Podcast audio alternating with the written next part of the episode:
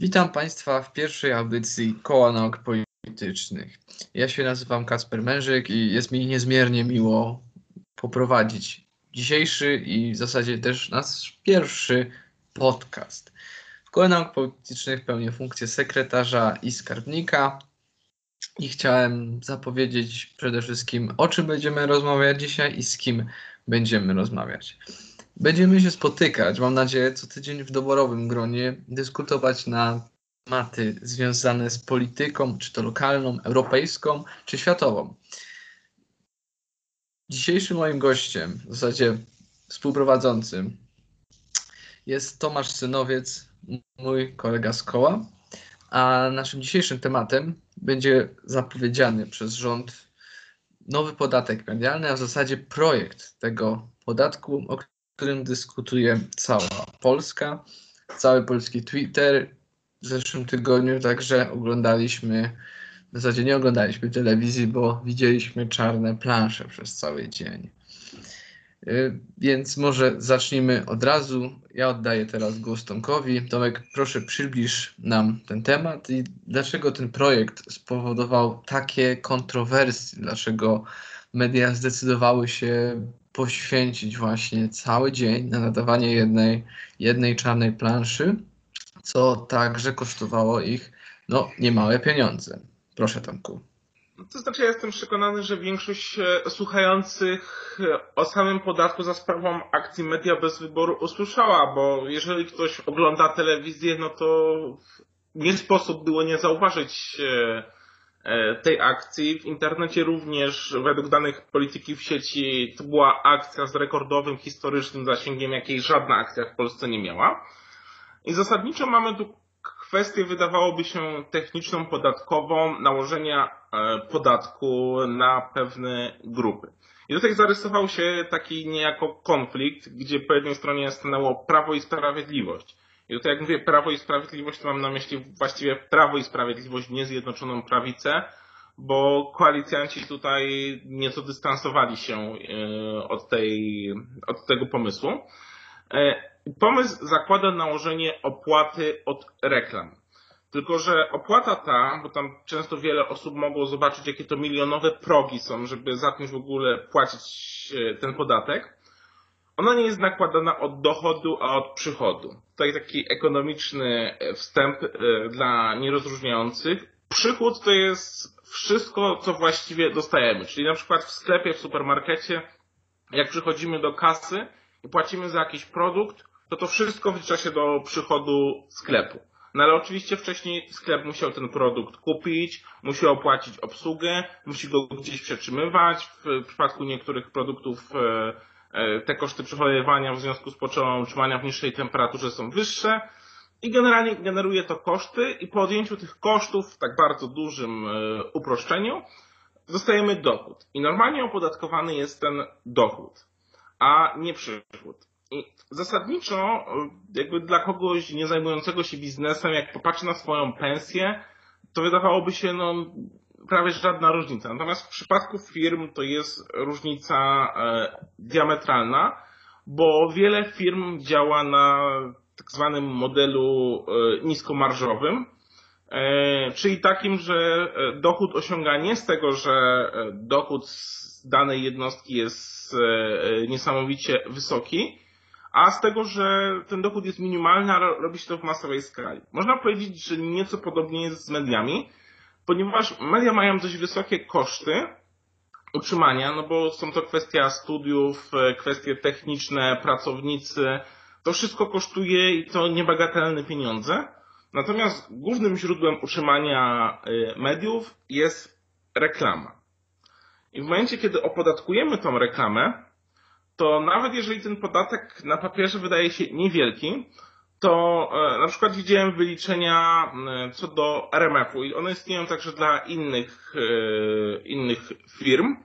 Wyniósłby 25 milionów przy dochodzie RMF-u 22 miliony. Więc nie jest tak, że wielkie koncerny nie płacą podatków, a teraz zaczniemy im zabierać troszkę z tego, co zabieramy. To są naprawdę dla tych firm ogromne koszty.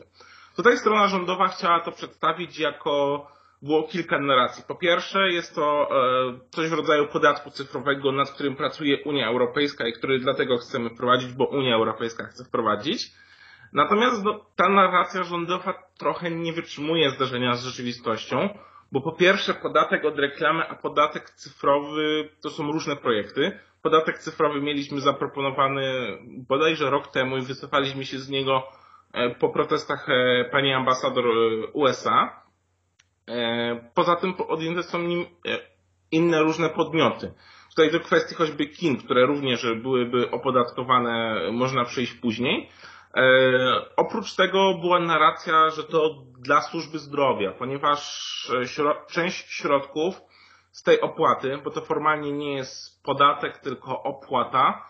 Podatek od opłaty prawnie, prawnie różni się tym, że podatek idzie do ogólnej puli, a opłata na jakieś konkretne e, cele i część puli miała iść na służbę zdrowia. E, natomiast część też, 35% z tej opłaty, miało być na wspieranie instytucji kultury, to jest takim mglistym dość językiem powiedziane nieostrym. E, w praktyce, jak to zdekodować, to brzmi trochę jak Polska Fundacja Narodowa 2.0, i chodzi o to, że możliwe jest e, z tej opłaty dofinansowywanie mediów, więc trochę takie wydawałoby się bez sensu zabierać mediom, żeby dać mediom, no ale w kontekście politycznym, kiedy wiemy, że no, damy odpowiednim mediom, nabiera to e, dużego sensu. E, też kwestia e, dochodów z tego e, podatku, to jakby w skali budżetu, czy to zdrowotnego, czy też państwowego, mówimy o bardzo niewysokich kosztach. Więc tak to się na sferze technicznej e, e, prezentowało. Natomiast media wystosowały kontrnarrację, no i z sondaży wiemy, że właściwie wszyscy wyborcy, poza większością wyborców PiSu, e, są przekonani do tego, że media miały rację.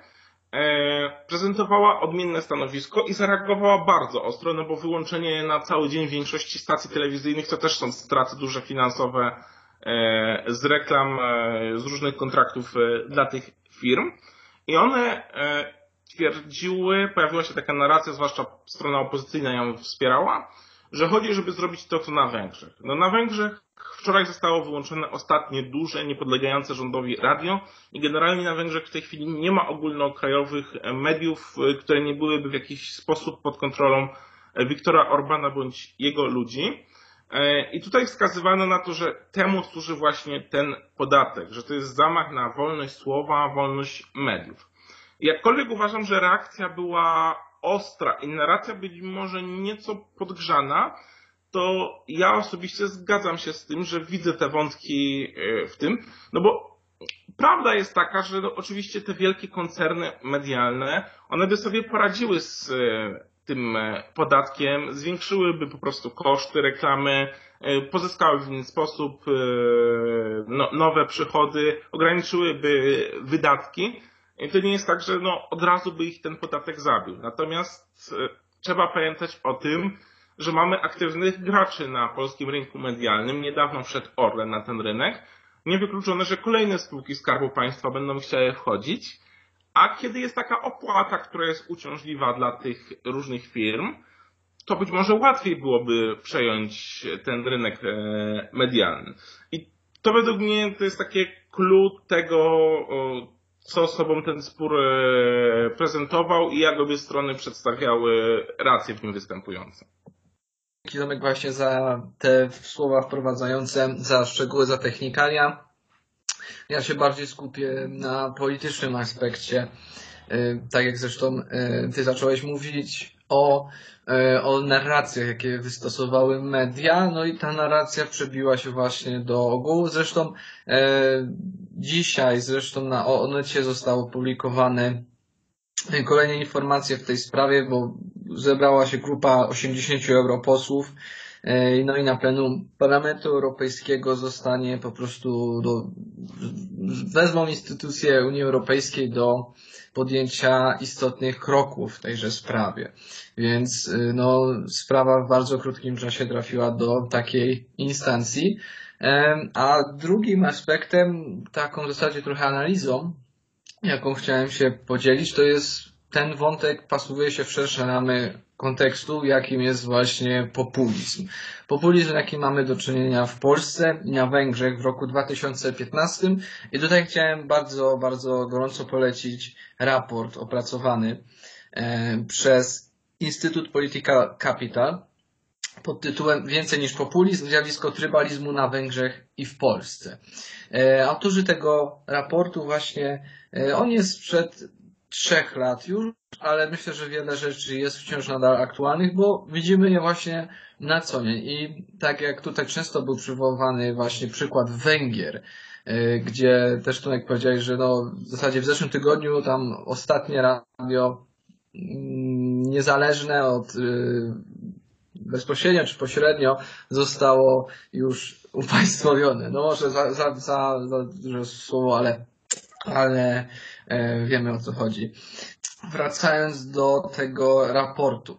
E, czym jest populizm? No, pierwszą taką rzeczą, co mi się tutaj rzuciła w oczy, e, to jest teraz bardzo duży atak strony rządowej na redakcję Onetu. Redakcję Onetu też mi się przypomina wywiad e, redaktora Mazurka z posłem Kowalskim, gdzie w pewnym momencie poseł nazwał właśnie redaktora, że pracuje dla niemieckiej właśnie stacji, gdzie redaktor zaczął z niego kpić, że nie nazywa się Mazurek, tylko Gruber, prawda? No to jest, to jest właśnie ta narracja, to jest ta analiza języka, gdzie no ona dotyczy w zasadzie antypluralizmu, prawda? Antypluralizmu i takiego w pewnym sensie politycznego antyelitaryzmu, bo dziennikarze też wpisują się w te elity. Mało tego, jeszcze zagraniczne elity, które próbują nam narzucić jakąś właśnie swoją wizję na świat, która no, nie jest zgodna z naszym polskim światopoglądem. Tutaj dużo było też spraw, znaczy spraw, po prostu dużo osób odwoływało się do kolejnych właśnie pozwów odnośnie Yy, bo przeciwko, przeciwko netowi, więc no, myślę, że sprawy będą się znowu e, długo, długo ciągnęły. Temat jest, temat jest jeszcze, jeszcze dość świeży. E, dzisiaj też czytałem, dziennik Gazeta Prawna opublikował, że e, opublikował artykuł pod tytułem Podatek medialny, rząd robi krok w tył. I rzeczywiście pierwszy akapit odnosi się do tego. Zmniejszenie lub zniesienie obciążeń dla prasy, obniżenie maksymalnej stawki daniny i korekty w zakresie redystrybucji wpływów nowej opłaty. Takie opcje rozważa gabinet premiera Morawieckiego. E, ja nie będę całego artykułu streszczał, no ale wywnioskować możemy na początku jedną rzecz. No widać, że rząd wyciągnął wnioski. Zresztą też jak mówiłeś Tomek, bardzo, bardzo wiele mediów się e, no, może nie zjednoczyło, ale podjęło wspólną akcję. Mało tego też dobrze całkiem trafnie zauważyłeś, że e, zrezygnowali z audycji na cały dzień.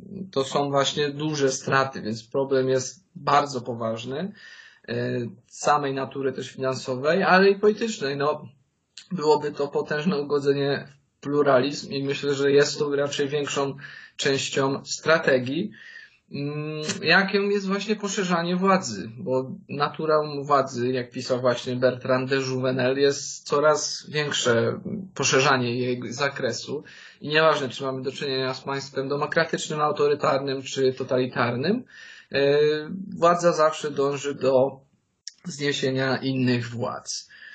E, na tym może, może postawię tutaj e, pauzę. Tomek, przekazuję Ci głos. Znaczy, ja chciałem tutaj takie drobne sprostowanie. Radio na Węgrzech nie zostało przejęte, tylko po prostu wyłączone, bo skończyła mu się koncesja.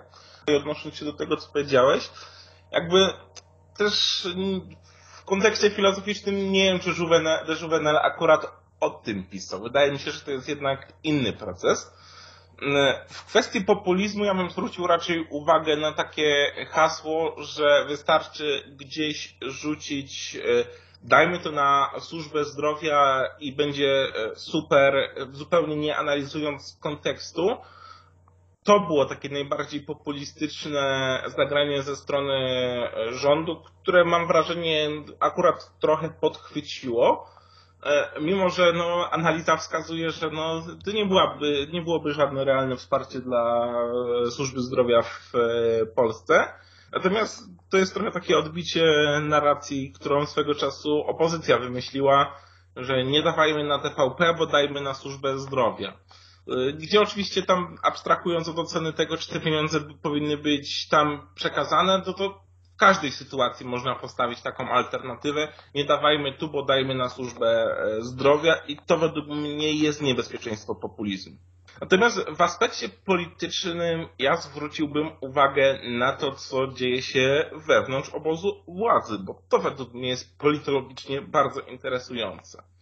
To znaczy, nie wiemy do końca, kto stał za tym projektem. On został też dość nietypowo na bardzo wczesnym etapie opublikowany.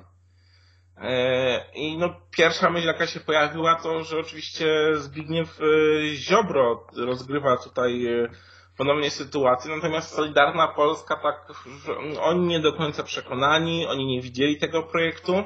Jarosław Gowin, który toczy swoją wojnę z Jarosławem Kaczyńskim, który czasowo przybrał formę Adama Bielana, e, również się sceptycznie do tego odniósł i powiedział również, że ta ustawa nie była z porozumieniem konsultowana. Oczywiście Adam Bielan stwierdził, że była, ale tu już mamy taką normę w e, tym wewnętrznym konflikcie. E, I tutaj jest kilka kwestii, bo czy faktycznie była konsultowana, to jest też kwestia umowy koalicyjnej ale ja odnoszę wrażenie, że tu po raz kolejny jakby z tego względu pewne pomysły PiSu nam nie grożą. To znaczy PiS przeżywa ogromny kryzys i ta ustawa się z pewnością do tego przyczyniła, e, bo wyborcy, którzy nie są wyborcami PiSu, zdecydowanie pogłębili swoją niechęć w stosunku do tej e, partii w wyniku tej ustawy. No i pytanie, czy w sytuacji tak słabego poparcia oraz tak dużej autonomii, na którą starają się wybijać zarówno Jarosław Gowin, jak i Zbigniew e, Ziobro, e, PiS jest jeszcze w stanie przepchnąć takie ustawy, a to z kolei rodzi pytanie, po co ktoś daje takie ustawy? No, wydaje mi się, że było do przewidzenia, że taka ustawa wzbudzi protesty. Być może skala była zaskoczeniem, ale sam fakt, że E, zostaną skrytykowani, no to nie jest nic zaskakującego. E, rozumiem, rozumiem doskonale. E, może zmieńmy trochę temat. Powiedziałeś właśnie, że Zjednoczona Prawica przeżywa ogromny kryzys, więc może trochę prowokacyjnie. To pytanie w zasadzie pojawia się już od, od co najmniej pół roku, a odnosi się właśnie do przyspieszonych wyborów. Zwłaszcza dzisiaj, po dzisiejszej wypowiedzi Kamila Bortniczuka, który, który właśnie zdradził, że e, Jarosław Gowin proponował mu miejsce w konkretne, miejsce w konkretnym okręgu. W przypadku przyspieszonych wyborów porozumienie startowałoby z list PSL-u. No, myślę, że to jest dość potężny cios w Zjednoczoną e, Prawicę i no, tak jak powiedziałeś, dość potężny kryzys, który przechodzi chyba najpoważniejszy od wyborów w 2015 roku. Tak mi się wydaje. I pytanie, czy, czy wyjdzie z tego yy, koalicja jak cało, to jest pierwsza sprawa. E, druga, no, mamy publikowane w zasadzie na przestrzeni ostatnich trzech dni sondaże. Zresztą wydaje mi się, że na swojej grupie dzisiaj też zrobiłeś y, trzy ankiety właśnie dotyczące tego scenariusza, w jakim by opozycja poszła właśnie w jednym roku e, bez konfederacji i, i prawda, e, Zjednoczona Prawica w jednym bloku, no i myślę, że większość tych osób, która nas słucha, wie, wie, wie że e, w takiej konfiguracji opozycja uzyskałaby ponad 276 mandatów, y, czyli wystarczającą liczbę do przełamania weta prezydenckiego, mogłaby stworzyć swój rząd koalicyjny. E, to oczywiście w takim najbardziej optymistycznym scenariuszu, bo tą opozycję, tą, ten, ten rząd tworzyłyby w zasadzie cztery partie. Więc no, jako politolodzy dobrze wiemy, że takie koalicje nie sprzyjają raczej trwałości rządów, nie ma tutaj za bardzo e, wielu wyjątków. Więc Tomku, tak Cię pytam, czy y, jak sądzisz, czy do maja na przykład, do maja, czy do wakacji można się spodziewać wyborów przedterminowych, czy może jednak koalicja się utrzyma? No a wiemy, że Gowin rozmawiał z wieloma osobami, już tutaj sporo jest na ten temat. To znaczy, ja tak zacznę może trochę od tyłu, a później przejdę do tej pierwszej części pytania. E, oczywiście wyborów e, ja się szybko nie spodziewam, bo nie ma ku temu warunków i to nie tylko o kwestię pandemii chodzi. E, nikomu nie zależy zasadniczo teraz na tym, żeby bardzo szybko organizować wybory. Natomiast co do blo jednego bloku opozycyjnego, to ja bym zauważył, że to wcale nie byłyby cztery partie. Bo wprawdzie w na tej koalicji 276 przedstawiono loga czterech partii, no ale przecież w rzeczywistości wszystkie te ugrupowania to tak naprawdę jest już konglomerat partii. Bo z Platformą Obywatelską przecież byłaby inicjatywa polska, Barbary Nowackiej, byliby y, Zieloni, byłaby nowoczesna, zakładając, że się nie rozpadnie, przejęta częściowo przez Szymona e, Hołownię. E, no i sam, sama Platforma Obywatelska. E, PSL jest przecież w, de facto w koalicji z Unią Europejskich Demokratów. Lewica nawet po połączeniu SLD i Wiosny e, ma jeszcze e, partię e, razem w koalicji. No i do tego dochodzi jeszcze Polska 2050. Ja nawet nie wiem, czy dobrze w tej chwili liczę, że to coś koło 10 ugrupowań by było łącznie. Z, jak, co mnie zawsze bawi, jak są pokazywane, jest taki portal Europa Elects i oni pokazują e, sondaże, to zawsze kolorami zaznaczają z jakiej kto jest frakcji europejskiej. No i w przypadku tej koalicji 276, no to niedługo do tęczy dojdziemy, bo tam ponad połowa frakcji z Parlamentu Europejskiego jest e, reprezentowana. Więc to było straszne rozbicie. Ja też e, sceptycznie podchodzę do tego sondażu, który daje 280 miejsc takiej koalicji. Nie z tego względu, żebym uważał, że ten sondaż jest jakoś źle zrobiony, bądź tym bardziej sfałszowany, tylko on jest w niezwykle szklarniowych warunkach robiony. To znaczy, po pierwsze mamy wzmożenie antypisowskie, e, po drugie mam takie przeczucie, że dużo łatwiej zaznaczyć taką koalicję na e, papierze niż e, w faktycznych wyborach. No bo no, no popieram swoich, zaznaczam w sądzie dla jakiejś sondażowni, to jednak jest trochę co innego w momencie, kiedy dostaniemy całą kampanię wyborczą, w której przy tak różnych opcjach, przecież politycy z jednej listy w tej kampanii, oni po prostu nic nie byliby w stanie ustalić programowo, oni by co chwilę się spierali między sobą w trakcie kampanii. Co siłą rzeczy zniechęcałoby jakieś kolejne grupy, które mówiłyby, a jednak nie. Poza tym w momencie, kiedy mamy de facto dwie opcje, no i tą trzecią konfederację, która jest trochę na marginesie tego sporu, no to wydaje mi się, że no, z punktu widzenia kampanijnego takich mechanizmów to jest idealna sytuacja dla PiSu, żeby się odbić. Bo w momencie, kiedy mamy wiele opcji i głosujesz, głosujemy na kogo nam się podoba, no to no, no, PiS nie może się skonfrontować tylko do jednej strony i pokazywać, musimy się ratować przed tymi. No bo część wyborców powie, no dobra, platformy nie chce e, u władzy. No ale przecież jest Hołownia, jest Lewica, część powie Lewicy nie chce i tak dalej. Generalnie ta niechęć do poszczególnych ugrupowań nie będzie skumulowana. Jak ktoś nie chce głosować na jedną opcję z opozycji, może wybrać inną. W momencie, kiedy one się wszystkie zjednoczą, to cały sprzeciw wobec wszystkich tych ugrupowań PiS będzie w stanie przejąć. No oczywiście tu dochodzi kwestia tego, że pojawią się kolejne ruchy. No, e, jest dla mnie zupełnie niewiarygodne, że mielibyśmy trzy listy wyborcze. Jestem przekonany, że znalazłyby się ugrupowania, które chciałyby skorzystać na tym, że opozycja zostawiła taką e, pustkę, przestrzeń programową i bardzo chętnie by się zarejestrowały jakieś inicjatywy, które by jeszcze tę jedność e, de facto podważały. Więc uważam, że praktyczny wymiar jest tu yy, E, niekorzystny dla opozycji, pomimo tych nawet bardzo korzystnych e, sondaży we wspólnym starcie. Zwłaszcza, że w tej chwili już nie mówimy o tym, że trzeba się zjednoczyć, żeby odsunąć PiS od władzy. Wedle tego sondażu, w którym oni mają takie poparcie, oni odsuną PiS od władzy nawet nie zjednoczeni. Chodzi o odrzucanie weta e, prezydenta Dudy. No ale po pierwsze, czy prezydent Duda będzie tak wszystko wetował, wcale przekonany nie jestem. A po drugie, nawet jak będzie wetował, to oni i tak będą między sobą musieli się dogadać, a to bardzo różne opcje są.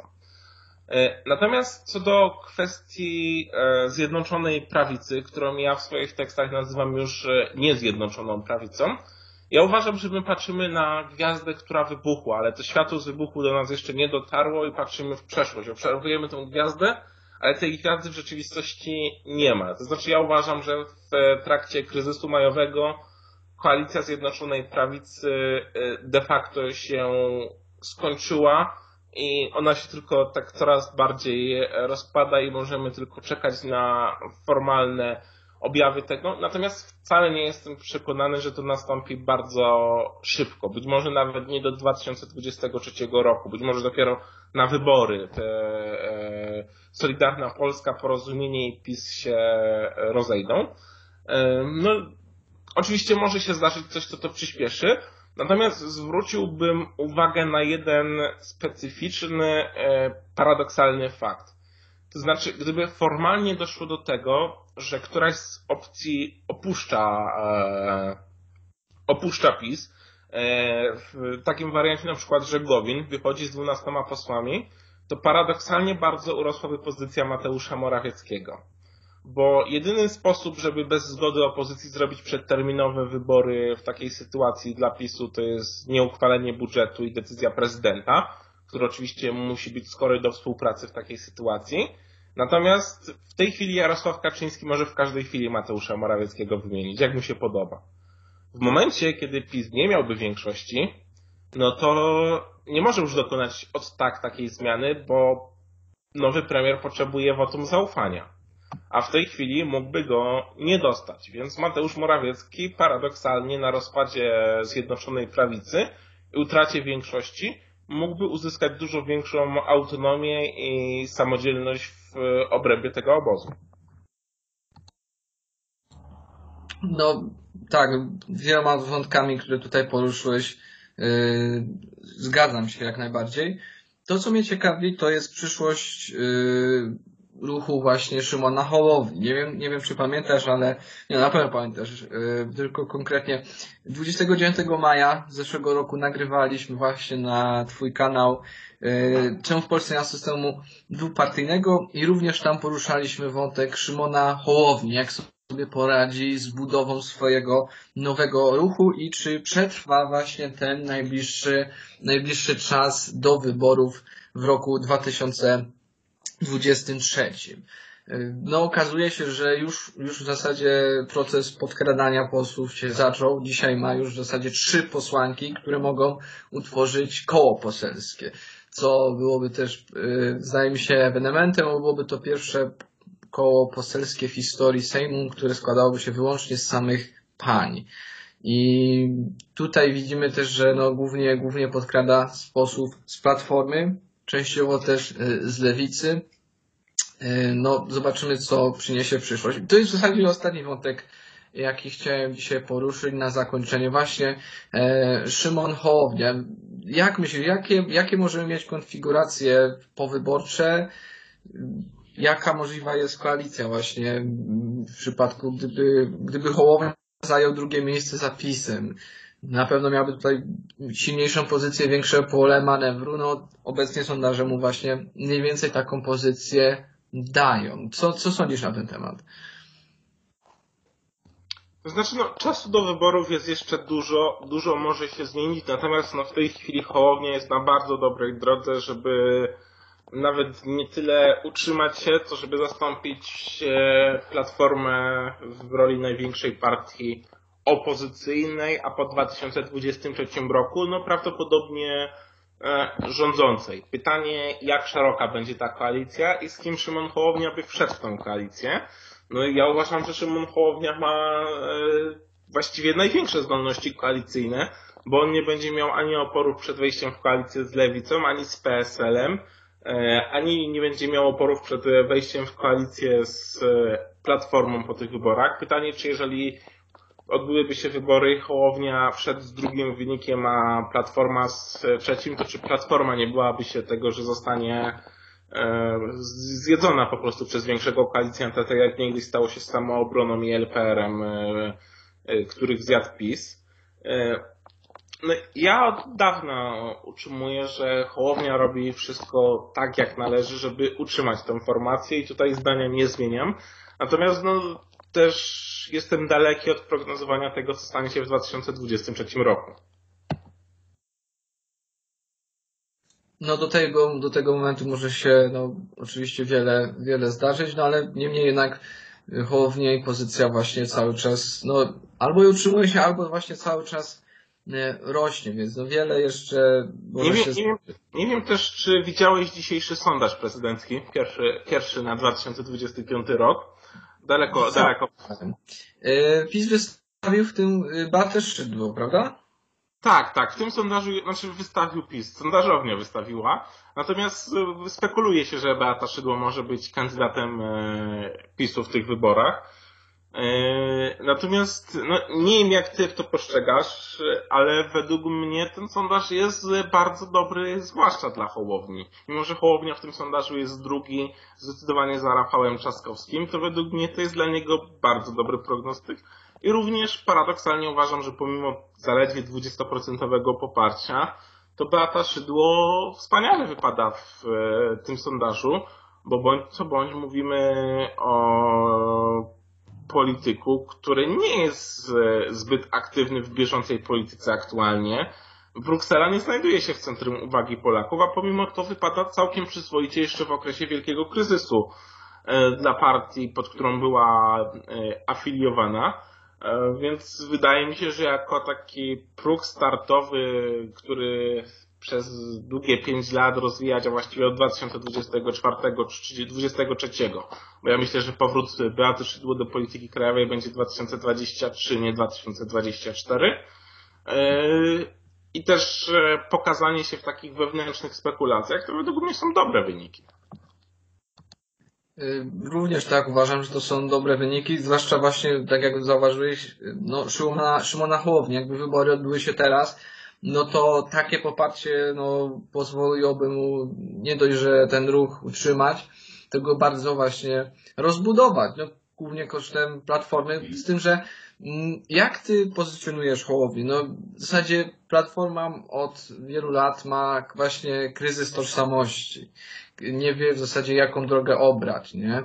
Bo ostatnia właśnie ta ten pomysł koalicji 276, no jest to tak naprawdę, no to już było, no to było podczas wyborów y, do Parlamentu Europejskiego i to tak się sprawdziło, no, no niezbyt, niezbyt. Ta przewaga PiSu była no ponad 7, 7% z tego co pamiętam, bo 45 do 38. Zresztą partie mniejsze, czyli tutaj właśnie e, tam był Lewica, PSL, nie są do tego pomysłu e, chętne również e, Hołownia. Dlatego no, ja myślę, e, czy, czy myślę tak, że ludzie też właśnie raz są, nie chcą głosować na PiS, nie zgadzają się z ich polityką, ale jeszcze pamiętają rządy Platformy. Czy, czy uznałbyś tutaj ruch Hołowni za pewne ugrupowanie protestu na tak jak był to właśnie Kukiz, tylko że Hołownia jest sprytniejszy i założył po prostu swoją partię, no i ma po prostu no, z tego trzepie,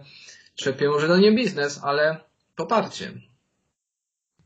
To znaczy tutaj spryt Hołowni jest dużo większy niż założenie partii, bo też uważam za dość ciekawą trójczłonową strukturę jego ruchu. No pamiętajmy, że tam oprócz partii jest stowarzyszenie, E, co niektórym mogą się wydawać, co za różnica. No po pierwsze, w Polsce jest moda na to, żeby być nieprzychylnym partiem, nawet tym, którym popieramy.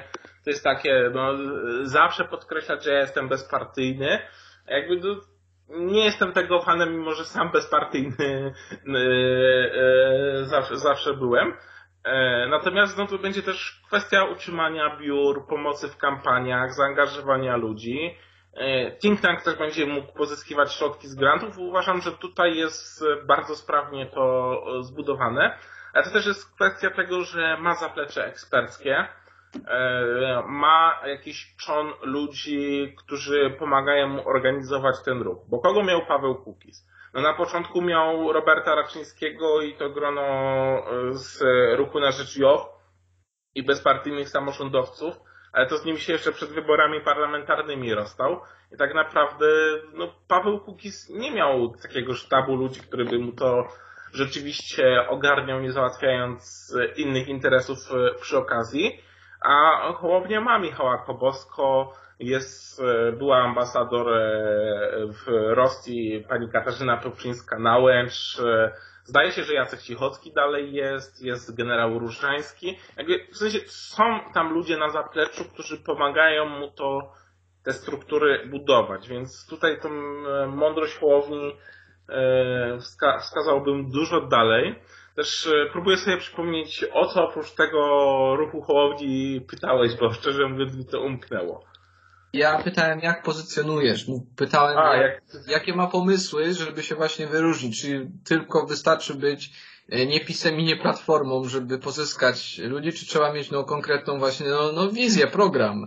A o tym no, w zasadzie nie wiemy wiele. Znaczy to, to jest w sumie najzabawniejsze, że na e, bezideowości platformy najbardziej korzysta Hołownia, który może nie jest bezideowy, ale zasadniczo jak się nad tym zastanowimy, to na ten moment chyba tylko kwestię programu rozdziału państwa od e, kościoła e, programowo tak bardzo dokładnie przedstawił, a tak to mamy tylko jakieś bardziej ogólne zamysły, pomysły Szymona Hołowni. Ja jestem przekonany, że to oczywiście będzie się zmieniało, bo Szymon Hołownia e, stosuje tą strategię takich uderzeń programowych z poszczególnych e, dziedzin życia, e, która stała się w Polsce popularna po tym, jak z wielkim sukcesem w kampanii wyborczej we Francji zastosował to Emmanuel Macron.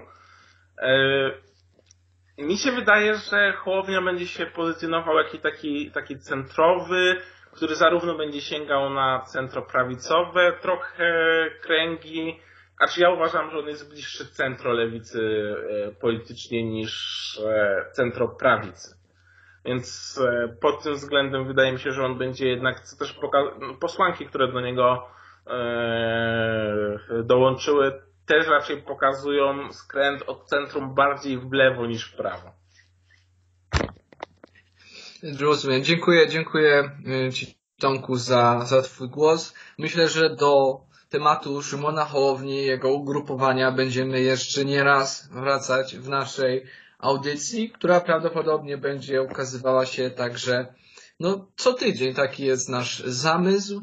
Y, na dzisiaj chciałbym na tym zakończyć, postawić tutaj y, kropkę, więc dziękuję wszystkim słuchaczom za udział, za wysłuchanie naszej pierwszej eksperymentalnej audycji, ale myślę, że wyszło nam całkiem pysznie, więc będziemy, będziemy kontynuować. To bardzo cenny dla nas będzie feedback, wsparcie, piszcie, komentujcie, y, pytajcie, pytajcie nas o co tylko chcecie, co związane jest z polityką światową, europejską czy naszą regionalną. Ja się nazywam Kasper Mężyk, a ze mną był Tomasz Synowiec, również dziękuję bardzo i zachęcam do kliknięcia takiego przycisku obserwuj, subskrybuj w zależności od tego, na której platformie będziecie nas słuchać. Do usłyszenia.